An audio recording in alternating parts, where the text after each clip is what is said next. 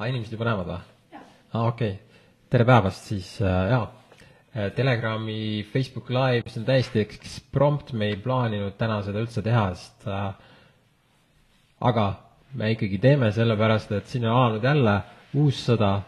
sõda on taas kord jutumärkides, sest sõda on kokkumäng ja süsteem kontrollib mõlemat osapoolt ning nagu ka eelmiste sõdade ja kõikide eelmiste konfliktide puhul enamus inimesed pole võimelised sellest läbi nägema, kaasa arvatud väga suur osa alternatiivmeediast, väga suur osa nii-öelda tõeotsijatest ja ja ma nägin ka, et siin äh, paljude lemmik ebajumal äh, Mart Helme propageerib konkreetselt mainstreami propagandat, et äh, üks pool on hea, teine on paha, lisaks ta hirmutab inimesi tuumarelvadega, mis sest, et tuumarelvi pole olemas, et tegin postituse ka, et Mart Helme kas NPC või Matrixi agent.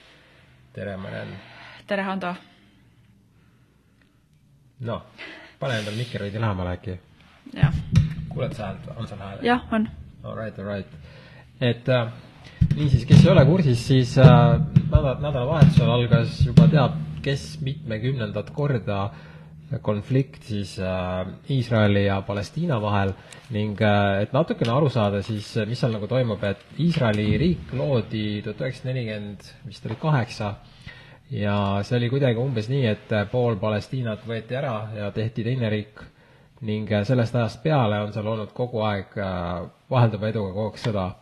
aga nüüd point on selles, et äh, kes on nagu asja uurinud, see on ammu täiesti ilmselge, et mõlemalt poolt äh, siis juhitakse sama võimu poolt ning nali, oma nali veel on selles, et äh, Iisraeli salateenistus või salaluure Mossad, et nendel on maailma üks kõige suurem äh, nagu sõjavägi, kõige rohkem rahastatud sõjavägi, aga see riik ise on niivõrd väike, ma ei tea, ta on äkki isegi väiksem kui Eesti või ühesõnaga pisike riik, vahet pole, kui väga väike riik ja nende see sõjaeelarve on umbes nagu sada korda suurem kui Eestis enam-vähem. Ning küsimus on selles praegu jälle, neile anti juurde ka teiste riikide poolt jälle. küsimus on selles, et kuidas niivõrd pisikene riik, millel on mingi sa- sajakordne eelarve, et nende salaluure täielikult läbi kukkus ja nüüd tuli Palestiina lambist seal, saatis mingi kolm tuhat raketti ja ja mitte igasugu Palestiina, vaid mingisugune terrorirühmitus on vahet ei ole, mis, mis iganes selle nimestus on. point on selles, et selle tulemusena minnakse Palestiina kallale, eks ju. no siin on, siin on lihtsalt nii palju asju, mis tekitavad küsimusi, esiteks see, et kuna see Netanyahu äh, oma sellise väga karmi juhtimisstiiliga on ikkagist äh, tekitanud palju pahameelt äh, inimõiguslaste hulgas, siis just viimastel aastatel on just ju päris mitu igasugust tema vastast asja algatatud. ja nüüd järsku põmaki, tüüp on jälle kangelane, kõik on mingi oo, toetame Netanyahut, on see, no see on väga klassikaline võte, on ju, et kui sa, kui sa hakkad võimu kaotama, siis sõda alati aitab sind, on ju. seda me äh, samamoodi nagu siin kohalikke koroonaterroriste aitas Ukraina sõda, et lambist läks äh, tähelepanu mujale. lambist kohe valitsuse populaarsus tõusis. ja nüüd ongi vaata imelik on mõelda, et seal on siuksed tegelased nagu Jordan Peterson, kes on nagu miljonite ja võib-olla isegi kümnete miljonite lemmik ja täielik ebajumal tüüp, kes hiljuti Eestis, ma tean endal ka tuttavaid, mitmed seal käisid seda kummardamas, seda tüüpi seal. no loen kõik kuulamas, jah. jah, et äh, see vend ütleb ka, oo jaa, ülikõva Netanyahu, anna neile tuld. et äh, nüüd mõelda, kellele sa seda tuld nagu annad, vaata, et äh, seda tule saavad ju tsiviilisikud ja lapsed, eks ju mm. -hmm. et kuidas on võimalik, et niivõrd väidetavalt intelligentne inimene nagu Jordan Peterson sellest aru ei saa? see on nagu tõsine küsimus, kuida-, kuidas see võimalik, et ta aru ei saa?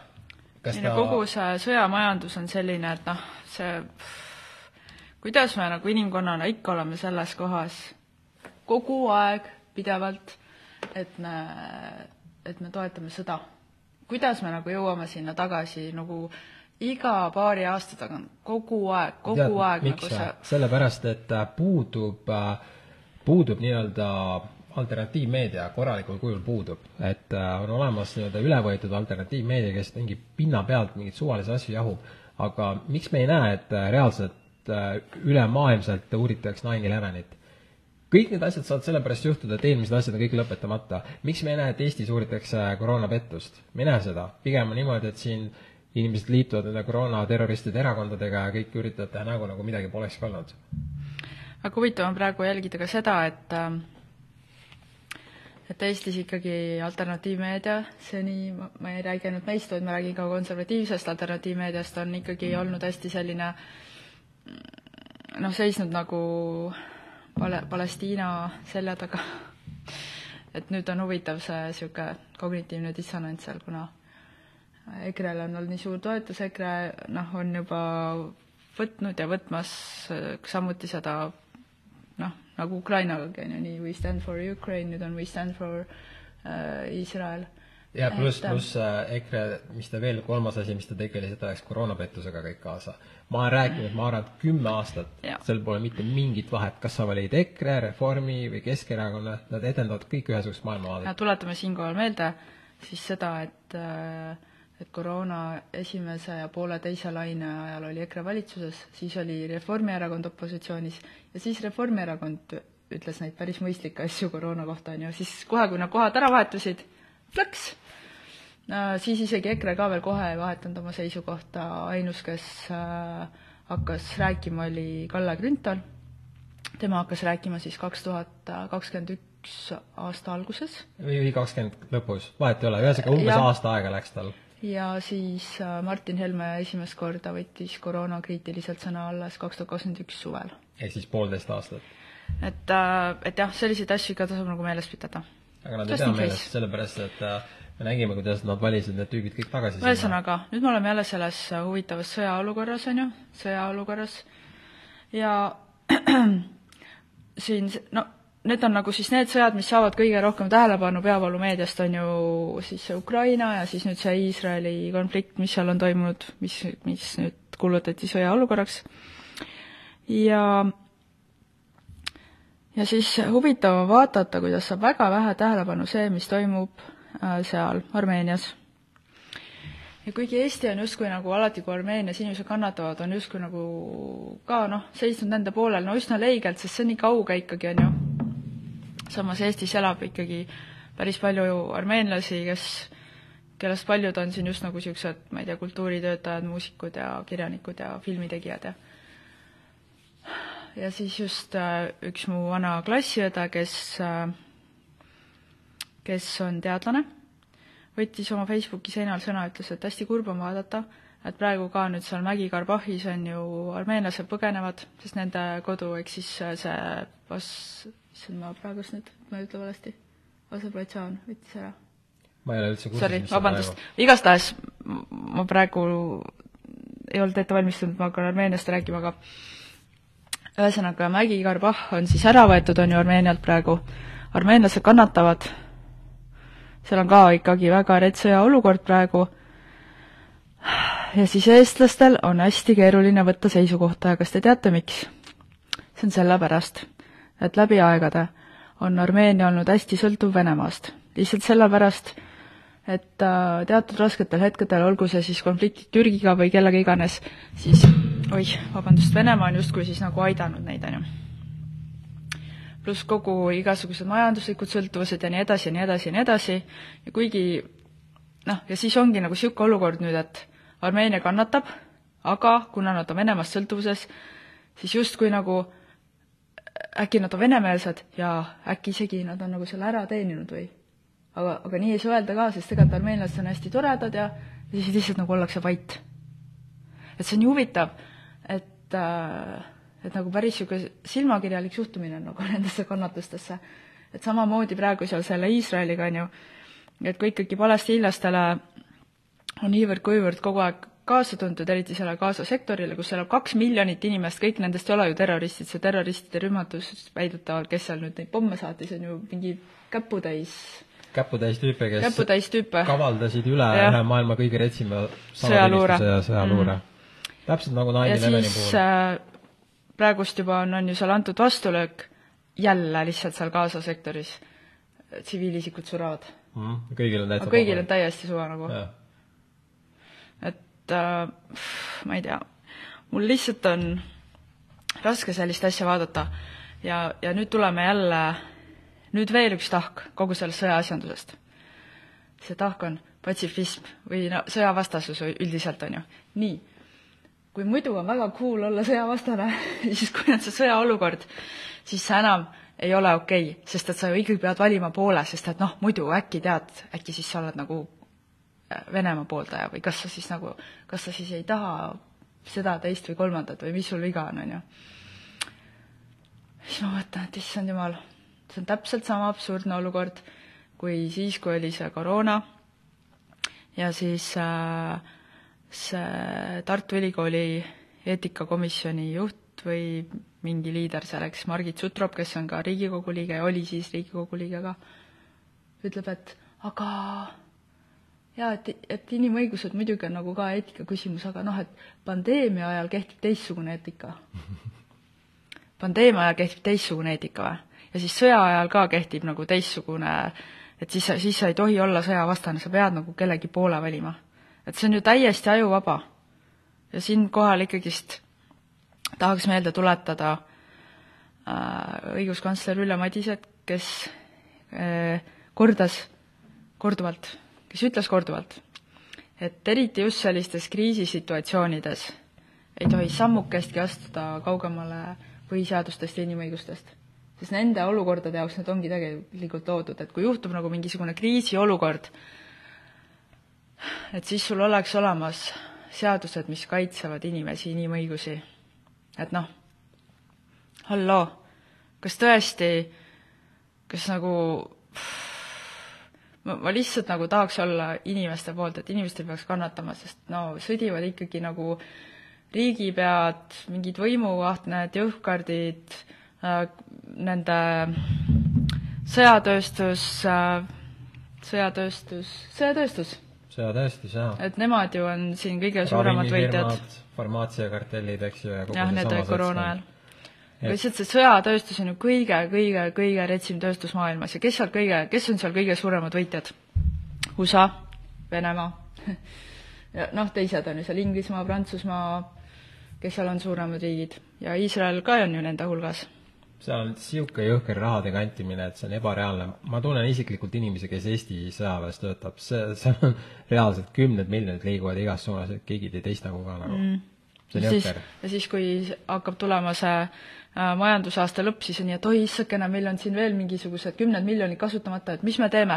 aa, kuule, äkki siis ostaks nagu uued arvutid, siis, siis äh, siis mingid täiesti töökorras arvutid lihtsalt nagu äh, Äh, kantakse maha ja siis, et noh, uued, sest et noh, raha ju peab ära kasutama, on ju. see on täielik naljanumber, jah. et äh, meil on tegelikult varsti üpris üsna pea tulekul Telegrami konverents ning äh, me kuulutasime konverentsi välja ennem, kui algas äh, jutuvärkides sõda, et me nüüd natuke täna hommikul juba mõtlesime, peame võib-olla tegema programmi väikese, väikese muudatuse. muudatuse või lisama lisa niisuguse vestluspaneeli võib-olla, et rääkida sellest sõjapettusest muidugi tegelikult päeva lõpuks see kõik üks sama pettus, sest et äh, ja me võib-olla natuke muudame seda kontseptsiooni, tegelikult koroonapettuse vestluspaneeli kontseptsiooni, et paneme sinna kogu selle kriisi asja kokku. ühesõnaga, äh, töötame selle nimel, et, et konverents oleks igati päevakajaline. Jaa, ning äh, konverentsi piletid on veel müügil äh, soodushinnaga piletid tänase päeva lõpuni, me tegime kaks päeva pikendust, kuna mõned inimesed andsid teada, et nende palgapäevad on kümnendal. ma, ongi... ma panen siia alla kohe lingi, siis saate osta, et me lisasime praegu siis sinna kolmkümmend sooduspiletit. oih, panen kohe siia alla lingi. et te leiate selle lingi ka Telegrami lehelt, äh, ülemine bänner mm -hmm.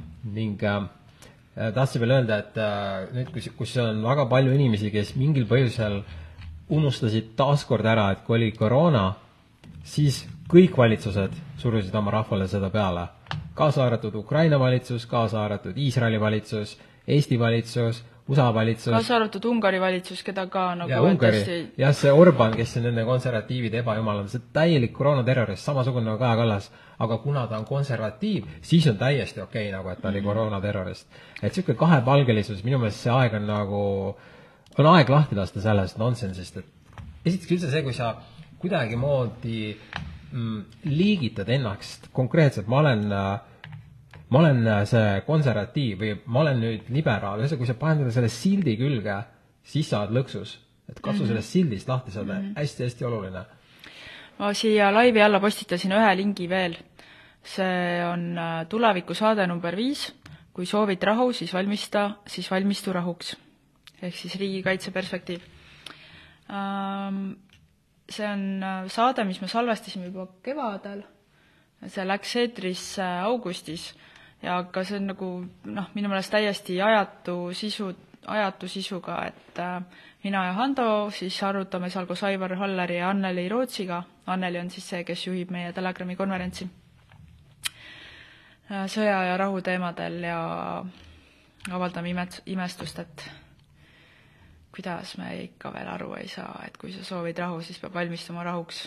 no vot, siin ongi see, et need, kes sellist juttu räägivad, nad on kõik äh, ära tsenseeritud või tühistatud ning äh, ebajumalad nagu Jordan Petersonid, äh, neile on nagu antud vaba lava. et kõik niisugused suured nimed, ma ei tea mitte kedagi neist, kes nende asjade vastu nagu sõna võtaks. kui tuli see koroona, kõik, kes võtsid sõna, kõik said kohe cancel'isse. kõik võeti deplatform'd, eks ju, Youtube'ist ära, Facebookist ära ja siis jäid alles seal igasugused Joe Roganid ja need teised mainstream tüübid. ei no sõjaga samamoodi, et selles mõttes eriti selle Ukraina sõjaga, kuna see noh, kuna vaenlaseks on seal Venemaa, siis see ju eriti lähedalt, eks puudutab Eestit, siis ju läks selliseks materdamiseks kohe kõigi suunal, kes ei kes ei kummarda kes ei läinud nagu propagandaga kaasa, ma ei mõtle siin isegi seda, et mingi jaa, et sa arvad, et Putin on hea, no kui, kui sa sellist asja arvad, siis noh, niisugused, need on ka veel eraldi seltskond. ole kena, palun uuri natuke, mis seal Venemaal toimub ja on toimunud. aga ma räägin lihtsalt sellest, et inimene, kes, kes reaalselt nagu ma ei, ma ei taha öelda, et ta astub nagu kõrgemale, aga lihtsalt see ei keegi meie ei, keegi meist ei ole teistest kõrgem või madalam. aga inimene, kes lihtsalt nagu vaatab natuke laiemalt seda pilti ja saab aru, et ainus viis sõda lõpetada on siis, kui sa lihtsalt selle ära lõpetad.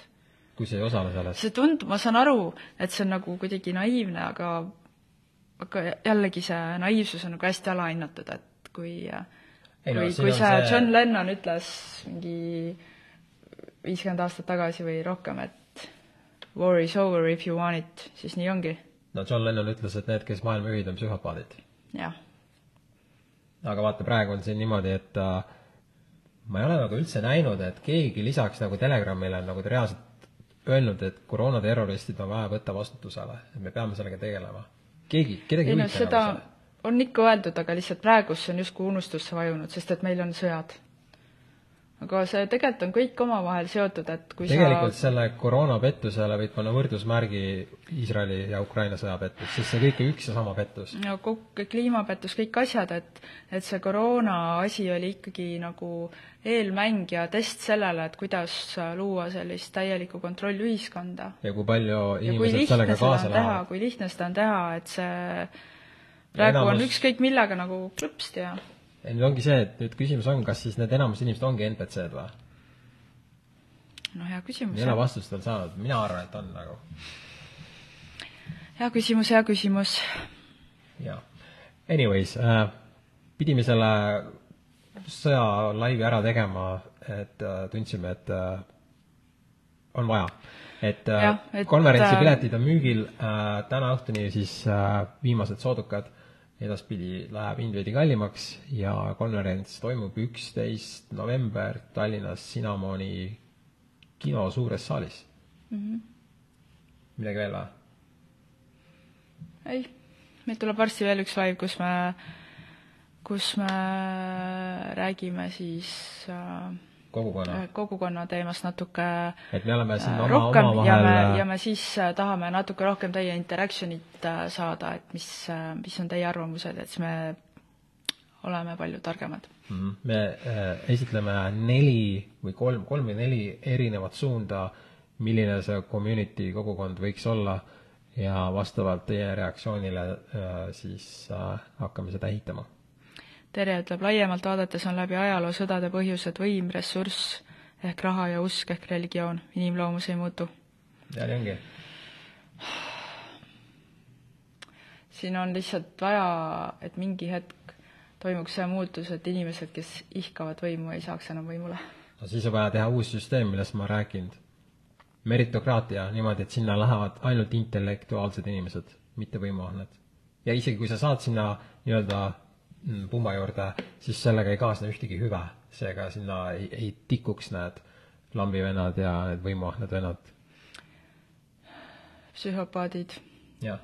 ja ka see, see meritokraatia idee, mis mul oli, ma sain, hiljem ma sain teada, et siin on igasugused teised tüübid sama juttu rääkinud juba sada aastat tagasi, Rudolf Steiner teiste seas et ma, minu peas tuli see nagu originaalmõte, aga tegelikult noh, ta oli sihuke, tegelikult ei olegi originaalmõte. ta ei ole originaalmõte, seda on nagu ta on lihtsalt nagu obvious asi. väga, väga, väga, väga ei, ma saan aru jaa, aga, aga kui sa lihtsalt mõtled, siis see on nagu ilmselge asi, kuidas see üldse peakski olema, see ei ole üldse keeruline nagu mm. -hmm.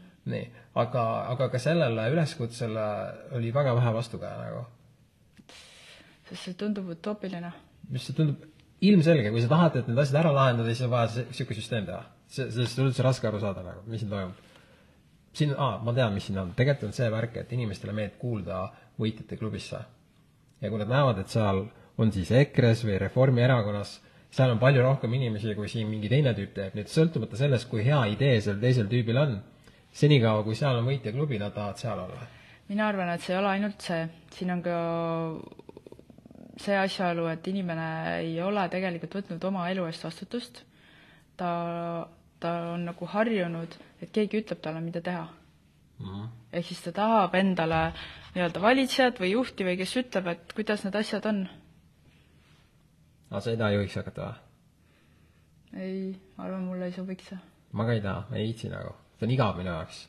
ma tahan luua niisuguse, et see süsteem on ise toimiv nagu, nagu ma ütlesin, intellekt, intellektuaalne mesitaru mina ei tahaks sellepärast, et ma olen mingitel hetkedel oma elus tajunud, et kui ma äh,, kui ma olen äh, nagu, ma isegi ei oska öelda, kuidas seda sõnastada, mingis mõttes, kui ma olen liiga heal arvamusel iseendast, siis ma muutun ülbeks.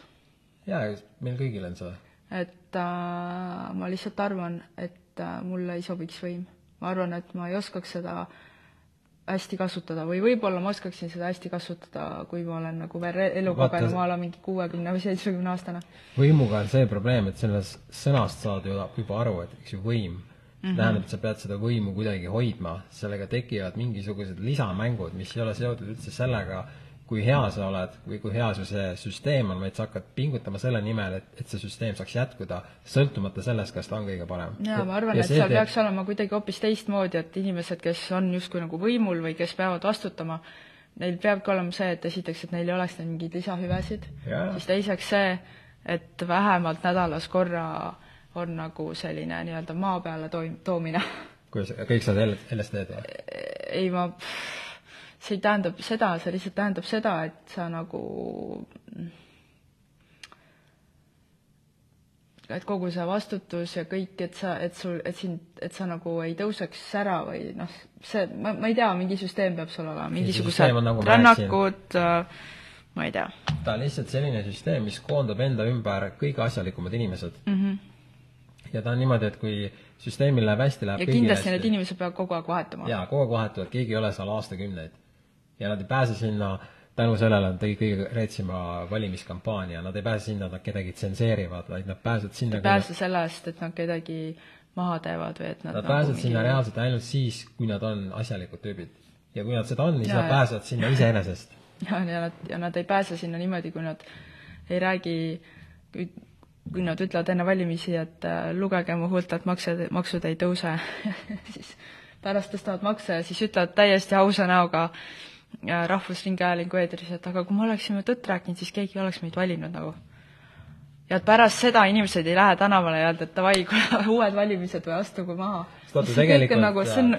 mina siiski arvan, et need enamus inimesed on kõik NPC-d. sellepärast, et äh, kui nad mõtleks nagu ratsionaalselt, siis see, mis toimub, nüüd tuletage meelde mm, -hmm. see, mis koroonaga oli pärast seda, mis me kogesime koroonaga, ei tohiks mitte ükski nendest erakondadest ega mitte ükski nendest poliitikutest, võib-olla välja arvatud ainult Kalle, ever sinna lähedusse isegi pääseda, ever. sest kui sinu, kui ma mõtlen niipidi, kui sinu sõber või, või elukaaslane valetaks sulle kaks või kolm aastat järjest, suruks sulle, manipuleeriks sind süstima, eks ta ühesõnaga oleks täielik loh mm. -hmm sa ever, ever ei elaks selle inimesega enam see koos, sa ei oleks ta sõber, sa ei kuulaks, mida see inimene räägib, sa ei vaataks mitte kunagi mitte ühtegi selle inimese postitust, kõik. aga need inimesed, üheksakümmend või isegi üheksakümmend viis protsenti ja mitte ainult Eestis, vaid kõikjal maailmas, nad lähevad uuesti, nagu nad ei mäletaks reaalselt, mis toimub. aga, aga asi ongi selles, et äh, et inimestel, väga paljudel on eraelus samamoodi. Nad ongi nagu, neil on kas väga selline vägivaldne, mis iganes, kas füüsiliselt või vaimselt või mingil muul tasandil vägivaldne suhe, see ei tähenda isegi, et elukaaslasega, vaid võib-olla sõpradega, võib-olla nagu perega, võib-olla vanematega. ja nad isegi ei tea, et teistmoodi on normaalne või see on nagu mingi elu osa. Oota, miks me siis üldse teeme seda, kui kõik siuksed on?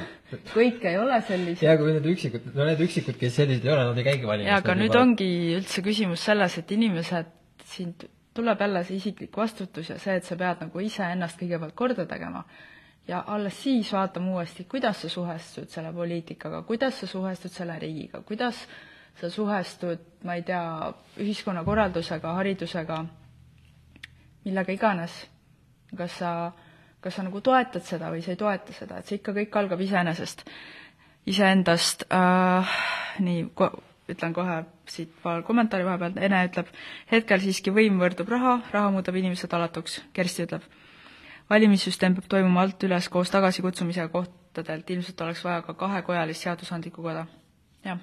jaa, aga see, see peab olema niimoodi, et seal ei ole seda tsensuuri või see, see, mis praegu, kas või isegi see, et me oleme varsti neli aastat üritanud sinna valitsuse pressikonverentsile saada.